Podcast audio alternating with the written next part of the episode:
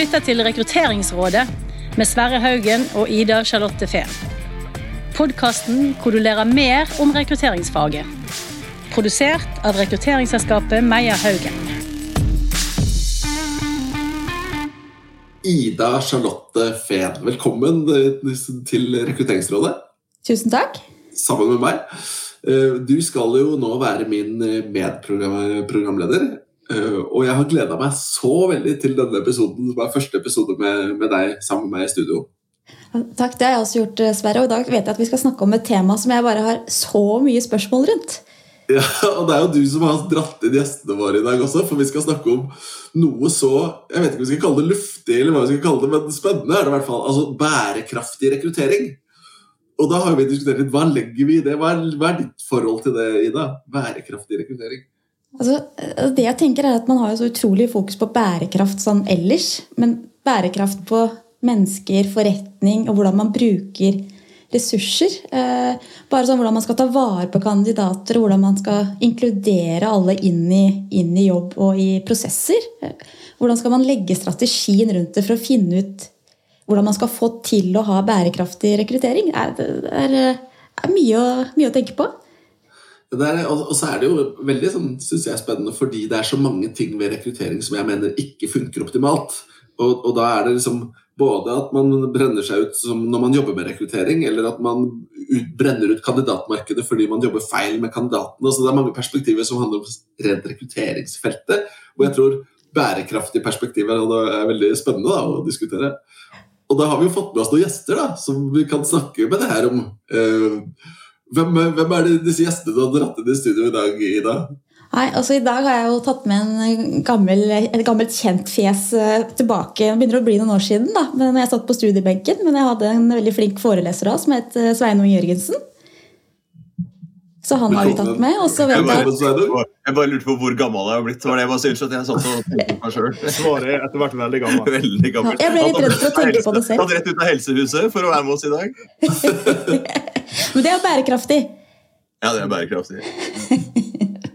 uh, og, men så, så, er det ikke bare Sveinung eh, vi har fått med oss i dag. Vi har også fått med oss eh, en kar til.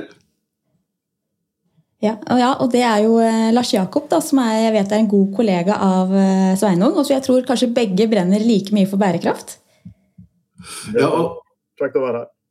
Velkommen. Og så må jeg si til dere to da Dere skal få lov til å si noen ord om dere selv. fordi jeg må være ærlig og si at jeg er innmari spent på nå hvor det her tar veien. For jeg vet at dere er jo nestorer innenfor akademia og dyktige på dette som handler om bærekraft. Kan ikke dere si litt mer dere jobber sammen, eller hva gjør dere?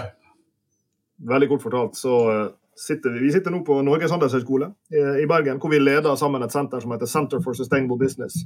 Eh, og Der driver vi med forskning og undervisning og formidling i tett samarbeid med næringslivet på problemstillinger knytta til bedrifter som prøver å bli både bærekraftige og lønnsomme samtidig. Eh, og Som alle som har vært i nærheten av en bedrift vet, så er det krevende nok bare å bli lønnsom. Men når du nå i tillegg skal være bærekraftig, så ja, møter en jo en del nye typer utfordringer. og Det får vel implikasjoner for rekruttering også. Det høres så utrolig spennende ut, og, og, veldig passende også egentlig til denne podkasten her. da. Hva, hva, er deres perspektiv? For nå har jo vi liksom drodla litt høyt ved innledningen her, sånn hva vi tenker på. Fordi man kan jo angripe dette på fra så mange måter. da. Hva, når dere ble invitert av Ida, hva tenkte dere? liksom? Hva, hvorfor sa dere ja til det her? Jeg er jo glad i Ida, da. Det, det, det hjelper en eh, start. Og så har vi jo en podkast sjøl som heter Bærekraftseventyr.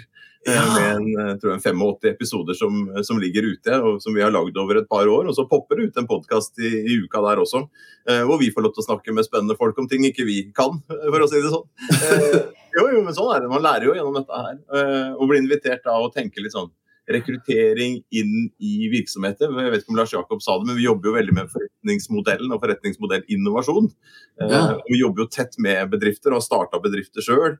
Og sitter i styrer og, og har litt sånn investorposisjon gjennom i, i, ulike settinger. Så vi får jo lov til å være med inn og leike i den der sandkassa, næringslivssandkassa på ulike måter.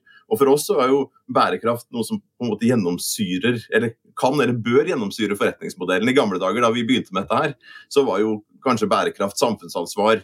Hvis jeg skal få lov til å, å, å være litt spydig, så kunne du lage klasebomber med ene hånda, og så drev du et par skoler nede i Afrika med den andre. Eh, og, så, og, så, og, så, veide det omtrent opp. ikke sant? Eh, men over disse 20 årene vi har holdt på med dette her, så har vi sett at kravet til det og forventningen at det skal ligge tett i kjernen av det virksomheten gjør.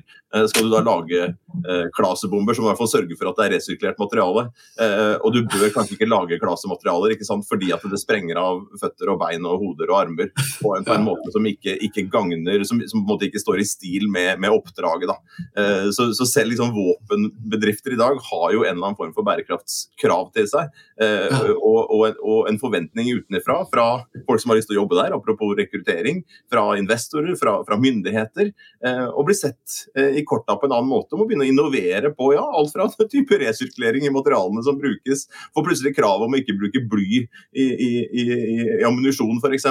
Ja. Eh, og, og, helt ned til liksom, hvordan er det det brukes, og hvordan er dette her eh, påvirker de, de områdene hvor, hvor ammunisjonen blir brukt. Da, bare for å bruke et litt sånn grelt eksempel. Eh, men dette griper jo inn i alt fra fotballklubber som vi studerer nøye, til sjømatindustrien som vi jobber veldig tett med. Så ser vi at dette her går inn i kjernen av hva de holder på med.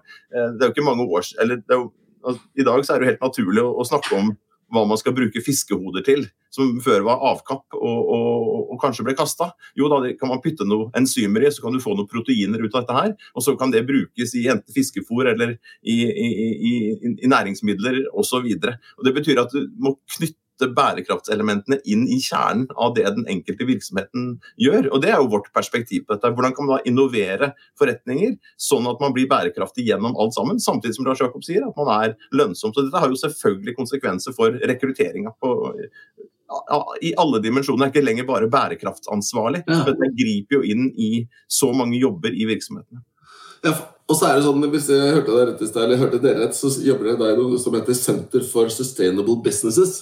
Og da vil jeg jo tro at altså, Når man snakker om sustainable business, da må man jo ha folk, da. Fordi de fleste businesser har jo folk. og det, vel, det må jo være noen perspektiver inn der òg hvor dette kommer inn som relevant, tenker jeg.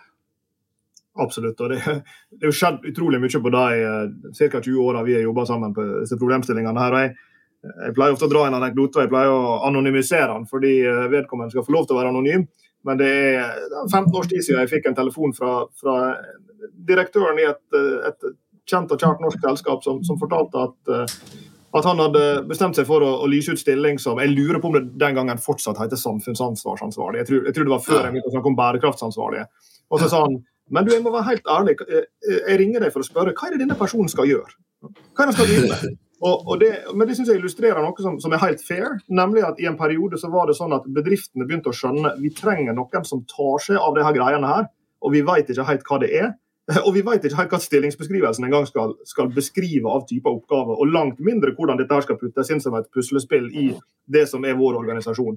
Og så har jo på en måte Hvis jeg spoler fram da i to tiåra siden det her, da, eller 15 åra kanskje siden det her, så, så har jo dette endra seg dramatisk. fordi at Nå, nå finnes disse stillingene, det finnes mange av dem. Bedriftene har dem, og bedriftene har klart å putte dem inn i puslespillet på en vellykka måte, slik at de som nå har f.eks. en bærekraftsansvarsstilling, sitter altså tett på kjernefunksjoner i, i virksomheten. og liksom det, det, er blitt noe som, som funker. Men, men, det er jo en helt fair greie vi har gått gjennom. der, En prosess hvor ja, en visste at disse kravene kom. En visste at en trengte noen til å ha et slags ansvar for dem, men en visste ikke helt hvordan dette her kom til å se ut. Så det har jo vært en sånn nesten dramatisk voksenopplæringsprosess som kanskje kan minne litt om det som vi har sett på digitalisering også, eh, over tid. Eh, hvor nå dette her er ikke bare en selvsagt del av jobben for de som har dette ansvaret, men det begynner jo også å bli en selvsagt del av jobben for veldig mange andre i virksomheten som, som kan ha ledelsesansvar for helt andre områder, men hvor bærekraft da også griper inn i det de skal drive med. Ja, og Da må jeg spørre deg, da, fordi nå var vi jo veldig kjappe. da, Vi hoppa liksom rett over og innlede og snakke om deg. Så folk får gå på Meyer Haugens nettsider og lese om deg for å bli kjent med deg. Men det som i hvert fall er tilfellet, det er at åpenbart så har du studert med, med Sveinung, ja, Sveinung, og så har du jobba med rekruttering i mange år. Mm. Har du sett denne endringen som de snakker om? Har du merket at det er liksom et forskjellig perspektiv på ting nå versus før? Man begynner jo å merke at det kommer en del nye stillinger. Da. Eh, hvis man ser på trender blant unge, f.eks., så tror jeg eh, type roller med bærekraft står utrolig høyt. Eh, jeg tror også, opplever også at høyskole og universiteter også har enda mer fokus på det i, i utdannelsen sin. Så det virker som at det kommer litt nye roller. Da. Akkurat som hvis man tenker inn mot IT, som jeg har jobbet mye med. da. Hvor det plutselig dukker opp nye roller, nye teknologier, skyreiser osv. Så, videre, så føler jeg også at kanskje det samme skjer innenfor bærekraft. At det, det kanskje kommer flere stillinger der som vi ikke helt vet om ennå. Ja, men La oss spørre disse to nå, som er tross alt akademikere. De er sikkert gode på definisjoner. Eh, jeg ser de smiler her nå, så da gleder de seg. Eh, hvis vi skal prøve å dra på en definisjon på begrepet bærekraft, da. Hva, er, liksom, hva betyr det? Jeg kunne tenke meg å ta det et takk videre. En kan jo begynne med bærekraft. Som ja. handler om et eller annet sånn uh, Brundtland-aktig med å å ivareta dagens, eller møte dagens behov uten å frata fremtidens, uh, altså folk i fremtiden muligheten til å møte sine behov. Sånn bærekraft i det, i det breie. Men det, for oss er det naturlig å ta det videre kanskje til bærekraftig verdiskaping. altså Det som bedrifter skal holde på med. Da. Hvordan skape ja. verdi på måter som er forenlig med bærekraft. Da er det en definisjon, jeg husker ikke ord, ord for ord, men sånn roughly. Det handler jo om å ivareta både risikoer og muligheter knytta til økonomiske, samfunnsmessige og miljømessige dimensjoner av, av bedriftene sin, sin virksomhet. Så du skal altså gå fra en verden hvor det var mer enn nok å bare tenke på denne finansielle bunnlinja, ja. til at vi kom til sånn tredelt bunnlinje. Eh, men så ikke bare det, men vi er også kommet til en verden hvor vi både skal tenke på dette her i et sånn risikoperspektiv, som vi kanskje har gjort lenge. Det kan være omdømmerisiko, det kan bryte vi ned tilliten vår, blir kundene våre sinte og boikotte oss for de ser at det jobber liksom barn i leverandørkjeden til klærne vi produserer, langt, uh, langt vekke fra, fra, der vi selger dem. Det der risikoperspektivet har vært der ganske lenge, helt tilbake til den samfunnsansvarsepoken. liksom. Men i tillegg så er det dette andre ordet jeg brukte, nemlig det med muligheter. Og I et forretningsutviklingsperspektiv og et innovasjonsperspektiv, så er jo det blitt veldig veldig viktig. Altså det med å også tenke ok, hvordan kan vi rigge vår forretningsmodell i dag, enten det handler om små kursendringer eller større radikale kursendringer, for å utnytte muligheten som ligger i å være med på å løse disse bærekraftsutfordringene som f.eks. de 17 bærekraftsmålene til FN representerer. For det er jo klart at på en måte kan du tenke på det som en av de største forretningsmulighetene i vår tid. Å være med å løse disse presserende utfordringene, enten det er knytta til grønn energi eller det er knytta til å, å, kvitte oss med slaveri og barnearbeid i leverandørkjeder, eller liksom hva nå enn slags sosial eller miljømessig problemstilling du er opptatt av. da. Eh, så, så, ligger det også store forretningsmuligheter der. Men for å gå tilbake til, til utgangspunktet for samtalen, ja, det vil da kreve kompetanse hos folka som skal gjøre disse kursendringene, på å forstå ja, hvordan er det vi skal endre oss. Hva, hva, er det vi skal, hva slags fotavtrykk er det vi skal forbedre? Hva, hva er det dette vil bety for måten forretningsmodellen vår vil måtte endre seg fremover? Ja. Jeg har lyst til jeg ser du kanskje hadde lyst til å si noe, du også, Ida, men jeg må bare spørre. Dere nevnte, eller Du nevnte nå den, den triple bunnlinja. eller Det var kanskje ikke det ordet du brukte, men, men vi jobber med en trippel bunnlinje i vårt selskap. I hvert fall, og da har Vi da, vi har stjålet den. Stolen with pride fra andre. People, planet, profit. Og Så har vi vår, våre vinklinger på hva det er, men for oss handler det om at vi må tjene penger som en bedrift for å overleve som bedrift. Og så har vi også lyst til å gjøre verden litt bedre. Der kommer planet-dimensjonen inn. Eh, og det kan være gjennom pro bono-prosjekter eller innovasjon som gjør at andre også lettere får til å jobbe bra med rekruttering. Eh, og så tror vi veldig sterkt på at hvis vi lykkes med å ta vare på folka, så vil dette liksom gå rundt av seg selv. da. Men vi trenger penger for å kunne drive innovasjon, vi trenger penger for å kunne drive pro bono. Sånn at det, disse tre henger veldig tett sammen. da. Er det, er det den triple bunnlinja du snakket om når du snakket om at det ikke bare er penger lenger? Absolutt. Fordi at, du kan tenke på det fra, Hvis vi tar deres perspektiv, da, det er, jo, et interessant utgangspunkt. det er Dere skal hjelpe eh, virksomheter å få rett folk inn. Ja? Ja. og Da kan det være en, en, sosial eller samfunnsmessig bunnlinje der, som kan være knytta til f.eks. inkludering. Kanskje dere kan hjelpe det å få, få Enten det er underrepresenterte grupper, eller det er personer som, som på, på, ulike måter er, er, dårligere stilt. Kanskje kan få til en god match der. Ja, det vil være et eksempel på et positivt sosialt fotavtrykk dere vil ha.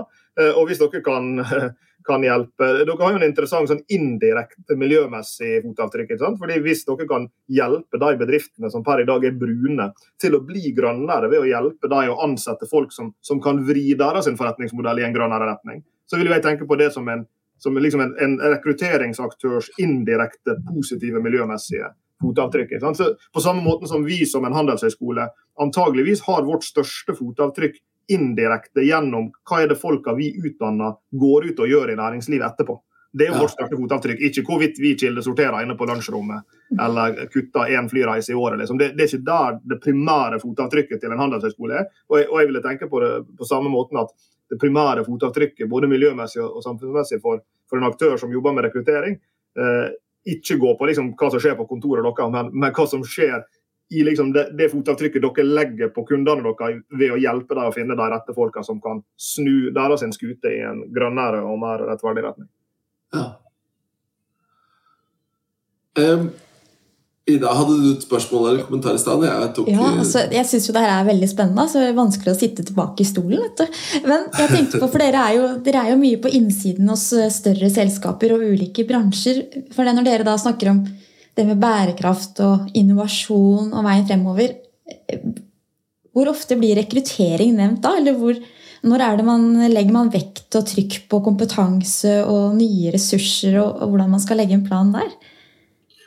Kan jo drømme om, da, om at i den triple bunnlinjen til en, en, bedrift, så vil man med en gang man ser man begynner å selge kall det et bærekraftig produkt, så vil flere kunder kjøpe dette produktet til en høyere pris. Så det, det, er på en måte drømmen. Men så er det jo mange bedrifter som ser at den drømmen den, den, er ikke så lett å realisere. Det er ikke nødvendigvis sånn at kunder uh, kjøper dyrere ting uh, selv om de er produsert uh, mer ansvarlig i verdikjedene, klær f.eks. Uh, så da begynner de ofte å lete etter andre typer ressurser som kan gjøre dem bedre på et eller annet vis. redusere kostnader eller øke inntekter, redusere risiko, forbedre omdømme eh, på, på, andre måter. Og da er jo det å, å, å hente inn kompetanse, få tak i folk som ellers du ikke ville fått tak i. Og jeg tror det er en del bedrifter, og vi, vi har jo et kurs, et, et masteremne på NHH, som er et av de største kursene nå. Det begynte jo som en litt sånn sær greie eh, med noen i et lite klasserom. Og i dag så har vi 500 studenter i året, og vi har delt i to fordi at det er så populært. Eh, og vi har en kø på døra her, og vi kunne sittet og veileda masteroppgaver på dette her hele tida. For det er jo dette her folk har lyst til å jobbe med etterpå. Hva heter, hva heter kurset? Det heter Sustainable Business Models, altså ja. bærekraftige forretningsmodeller. og Det er knytta til innovasjon, det er knytta til sirkulærøkonomi.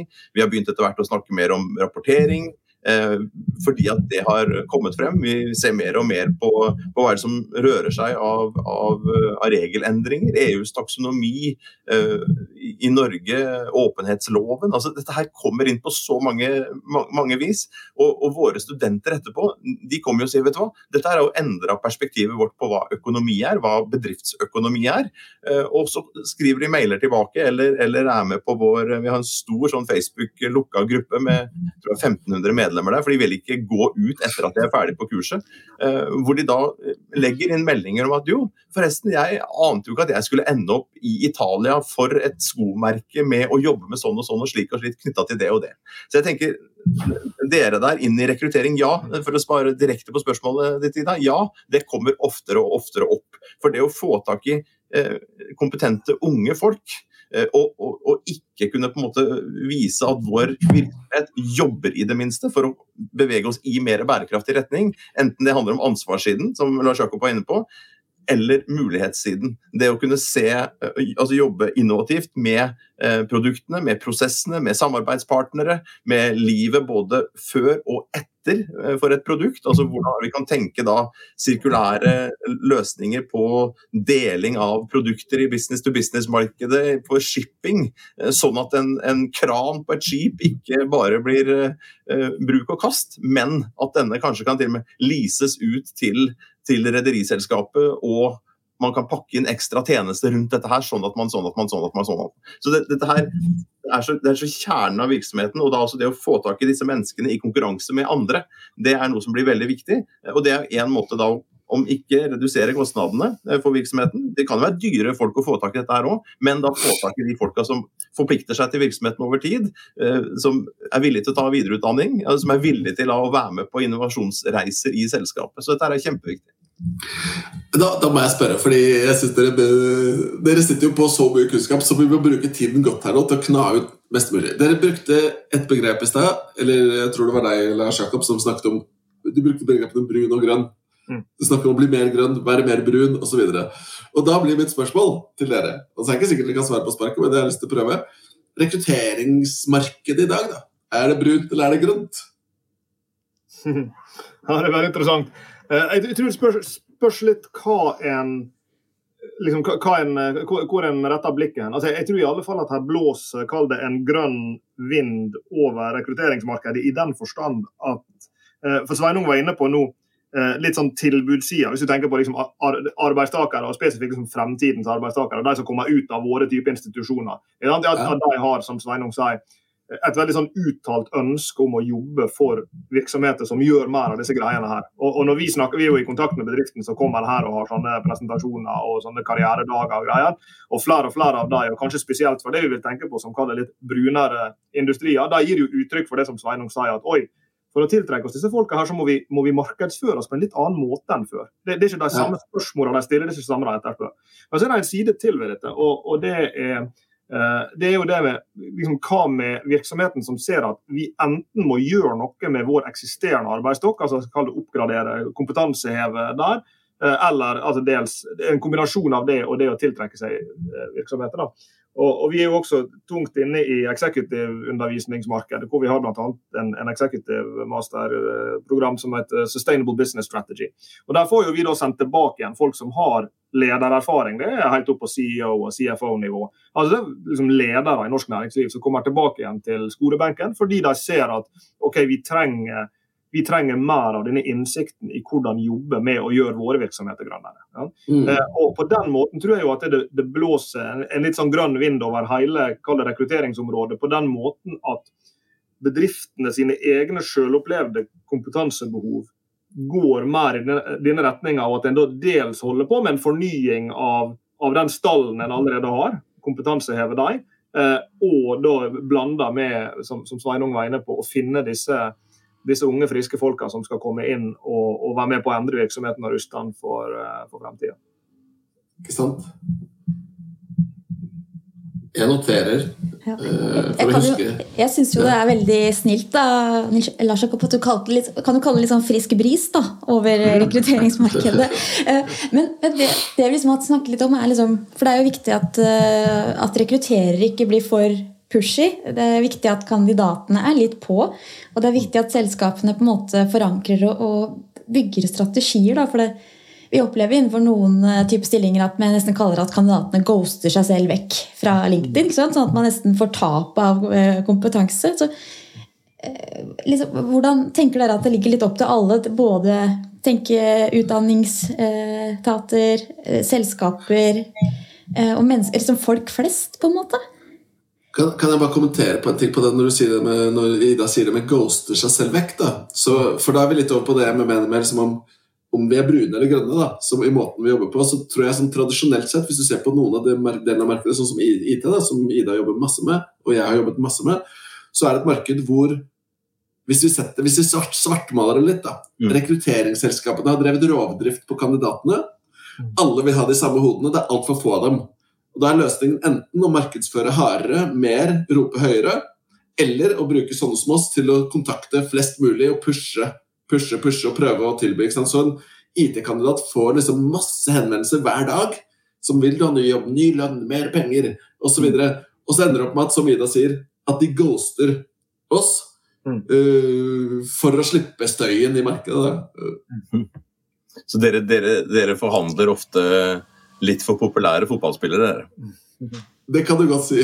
Kanskje. Men det er agenter, ingen, ingen, Hvor mange agenter orker du å ha på tribunen til hver, hver tid, og hvor mange henvendelser? Så, så, Når dere stiller nå disse spørsmålene rundt deres rolle oppi dette her, og, en, en, være en, en bærekraftig aktør, uh, så handler det også om å ikke være for pushy, det å gi folk respekt i de stillingene de har. Mm. Ikke føre til at folk hopper fra tue til tue, altså fra jobb til jobb, men at de også finner de riktige stedene, er yes. på de riktige stedene.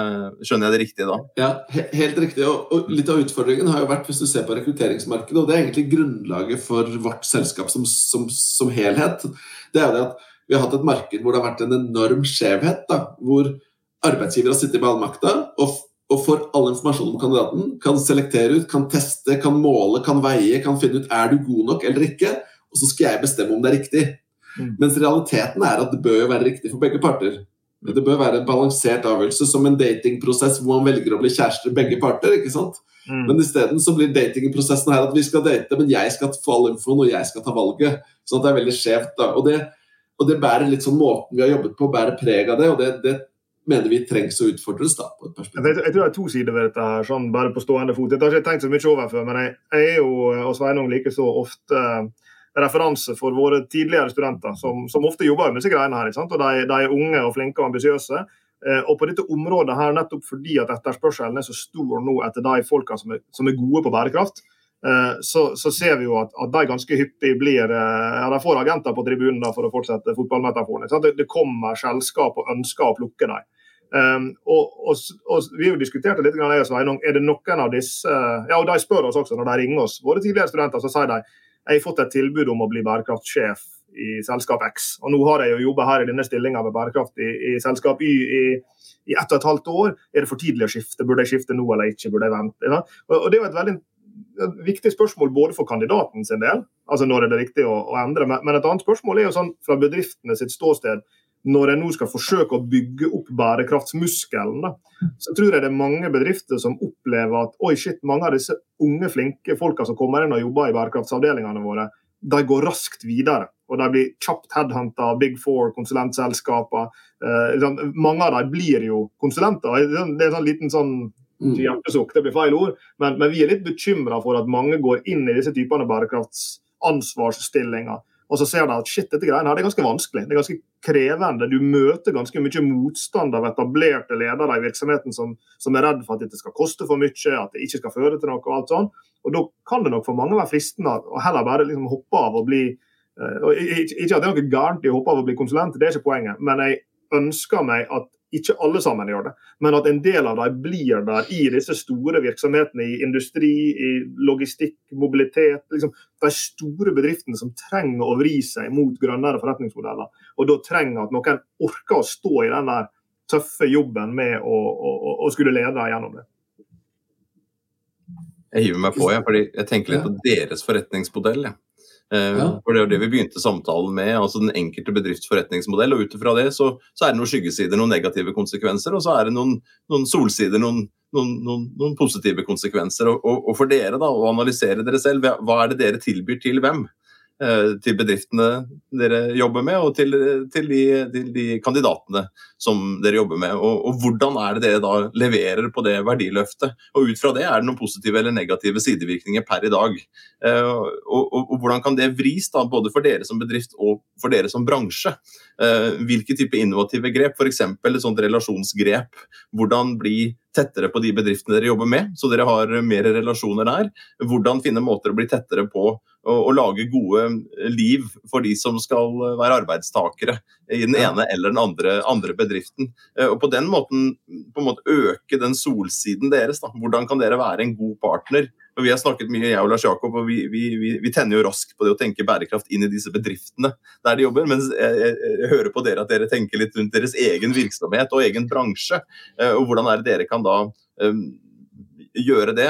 Eh, og der, Vi har jo øvelser om kan hive opp eh, Carlsberg på, på, på, veggen til studenter. Også, okay, hva er de negative sidevirkningene her per i dag? Hva er de, hva er de positive? Og Det er mange positive, og det er, og det er flere negative. Ok, Gitt det, hvordan kan disse ta kan vi da massere forretningsmodellen og tenke hvordan er det vi kan redusere da, alkoholforbruk under, blant de som er under 18 år. ikke sant? Eller hvordan er det man kan jobbe med litt bedre uh, verdikjeder, sånn at når man kanskje produserer en alkohol som, som drikkes i, i et, et, kontinent langt unna, at kanskje også um, at, at, at, ressursene hentes fra det området, arbeidsplasser lages der f.eks. Bare for å drodle litt rundt det der. Eh, og For dere så, så, blir det jo litt samme øvelse. da. Hva, hvem skal dere være? Hva skal det være deres verdiløfte til, til eh, deres kunder, bedrifter? Deres kunder som er da eh, de dere skal rekruttere. Og det bredere laget av, av, samfunnet. Hvis dere har lyst til å ta på dere en, en, en rolle da knytta til, til diversifisering og, og, og, gjøre at flere med ulike typer kulturelle, faglige bakgrunner får arbeid i virksomheter hvor det har vært blenda-hvitt fram til nå, f.eks. Mm. Det var et av de perspektivene du hadde med inn også, Ida. Dette som handlet om liksom være bedre på mangfold og mm. den biten der. Mm. Ja, jeg tenker jo blant at Man snakker jo veldig mye om ja, liksom, inkludering og mangfold og minoritetsgrupper og hvordan man skal få alle inn i, i næringslivet. men er, kunne, er liksom bærekraftig rekruttering kunne det vært en fellesnevner eller en paraply for alle disse ulike utfordringene som vi har å jobbe med? Da? Det er jo det, veldig interessant. Det kan hende at det er det vi må. At vi kanskje må bruke de gutta her til å klare å definere opp dette er definisjonen av bærekraftig rekruttering. fordi det trengs kanskje. Det, det, jeg tror det er mange ting man kan liksom bakke inn i den definisjonen. Altså. Det tror jeg. Jeg ser også litt, litt på klokka nå og tenker at vi er nødt til å gå inn for en landing. Det kan godt hende at vi er nødt til å spørre pent om dere har lyst til å komme tilbake altså, og ta en ny prat når vi begynner å drodle fram noen nye tanker rundt, rundt bærekraft innenfor rekrutteringsfeltet. Men før vi runder helt av her nå eh, Ida, vi har noen sånne faste spørsmål som vi pleier å ta på, på tampen. Det har vi, vet du, Sverre. Og jeg er litt spent på å høre da. Nå vet jeg ikke hvordan dere har kjent på rekrutteringsprosesser og osv., Sveinung og Lars Jakob, men har dere en type rekrutteringsopplevelse som tenker, kanskje er noe sånn ah, eller kjenner at det er noe av det verste dere har vært med på? Jeg, har jo, jeg må innrømme at jeg har ghosta, jeg har ghosta en del eh, opp gjennom meg. Altså jeg, må, jeg, må, jeg, må, altså, jeg, blir alltid overraska hvis folk prøver å få meg inn i en ordentlig jobb.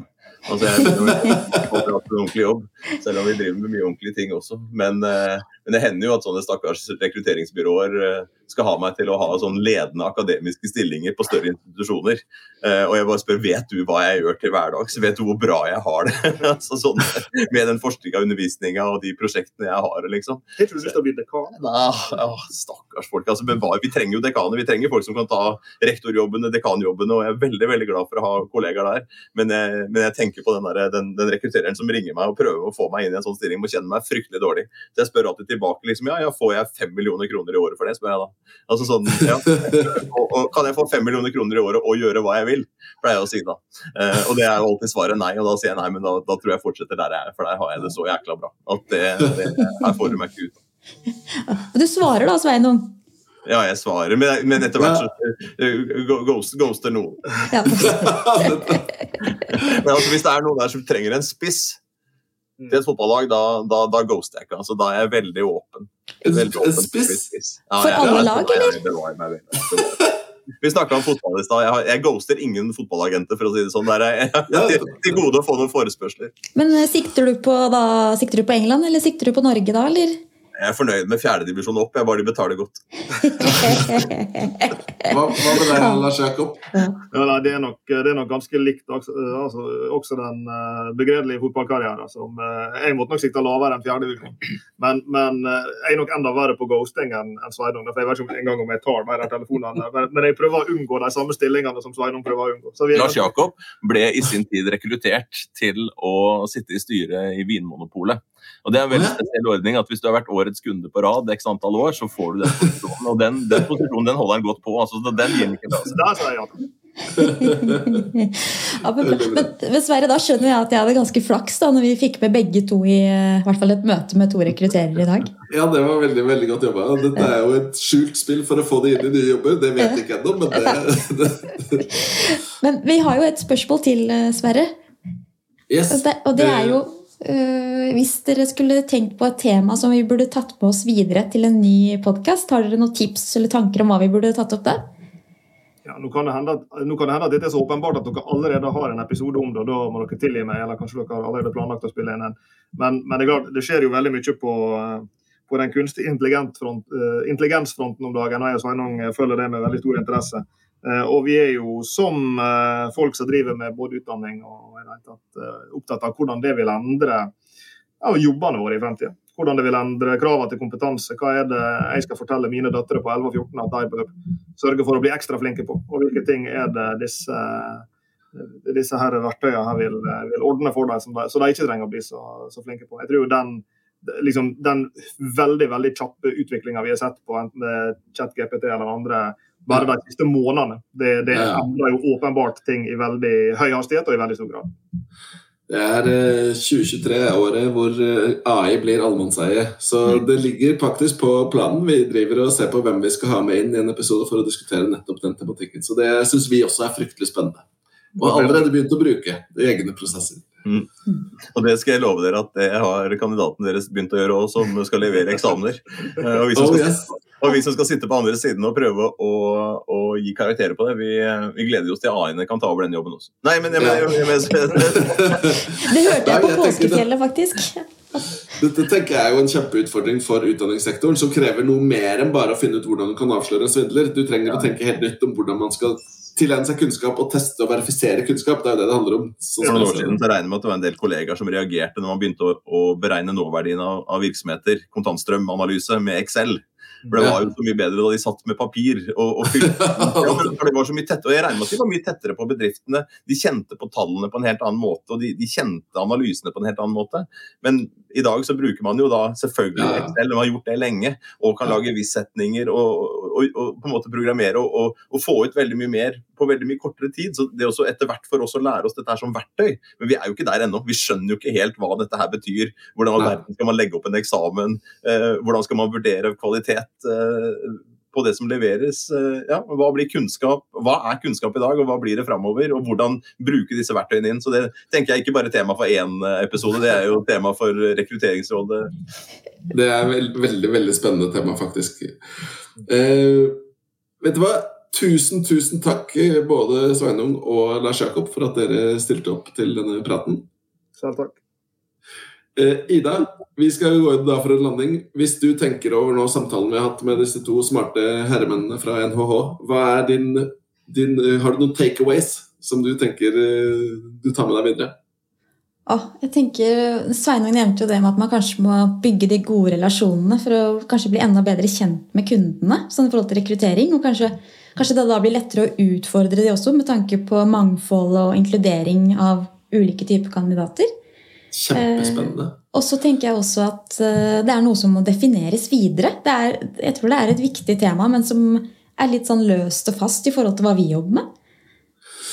Jeg er helt, helt enig. Jeg syns det er superspennende. øh, og det er, det er også interessant å se på altså er, Jeg tror det er veldig mange andre ting da, man kan ta liksom, og lære fra dette feltet. Hvis du ser på sånn som sirkulærøkonomi, som jeg egentlig ikke helt tror jeg har forstått eller vet hva er, men det å tenke i retning av gjenbruk av kandidater da, i forhold til bruk av kast. og Jeg tror det er mange mange spennende ting som vi kan, øh, som vi kan utforske videre.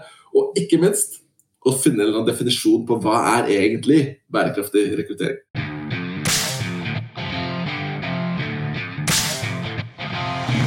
Du har lyttet til Rekrutteringsrådet av Meyer Haugen. Vi produserer også Topplederpodkasten og Stillingspodkaster. Har du forslag til gjester eller tema vi bør snakke om, gå inn på vår Facebook-side Meyer Haugen.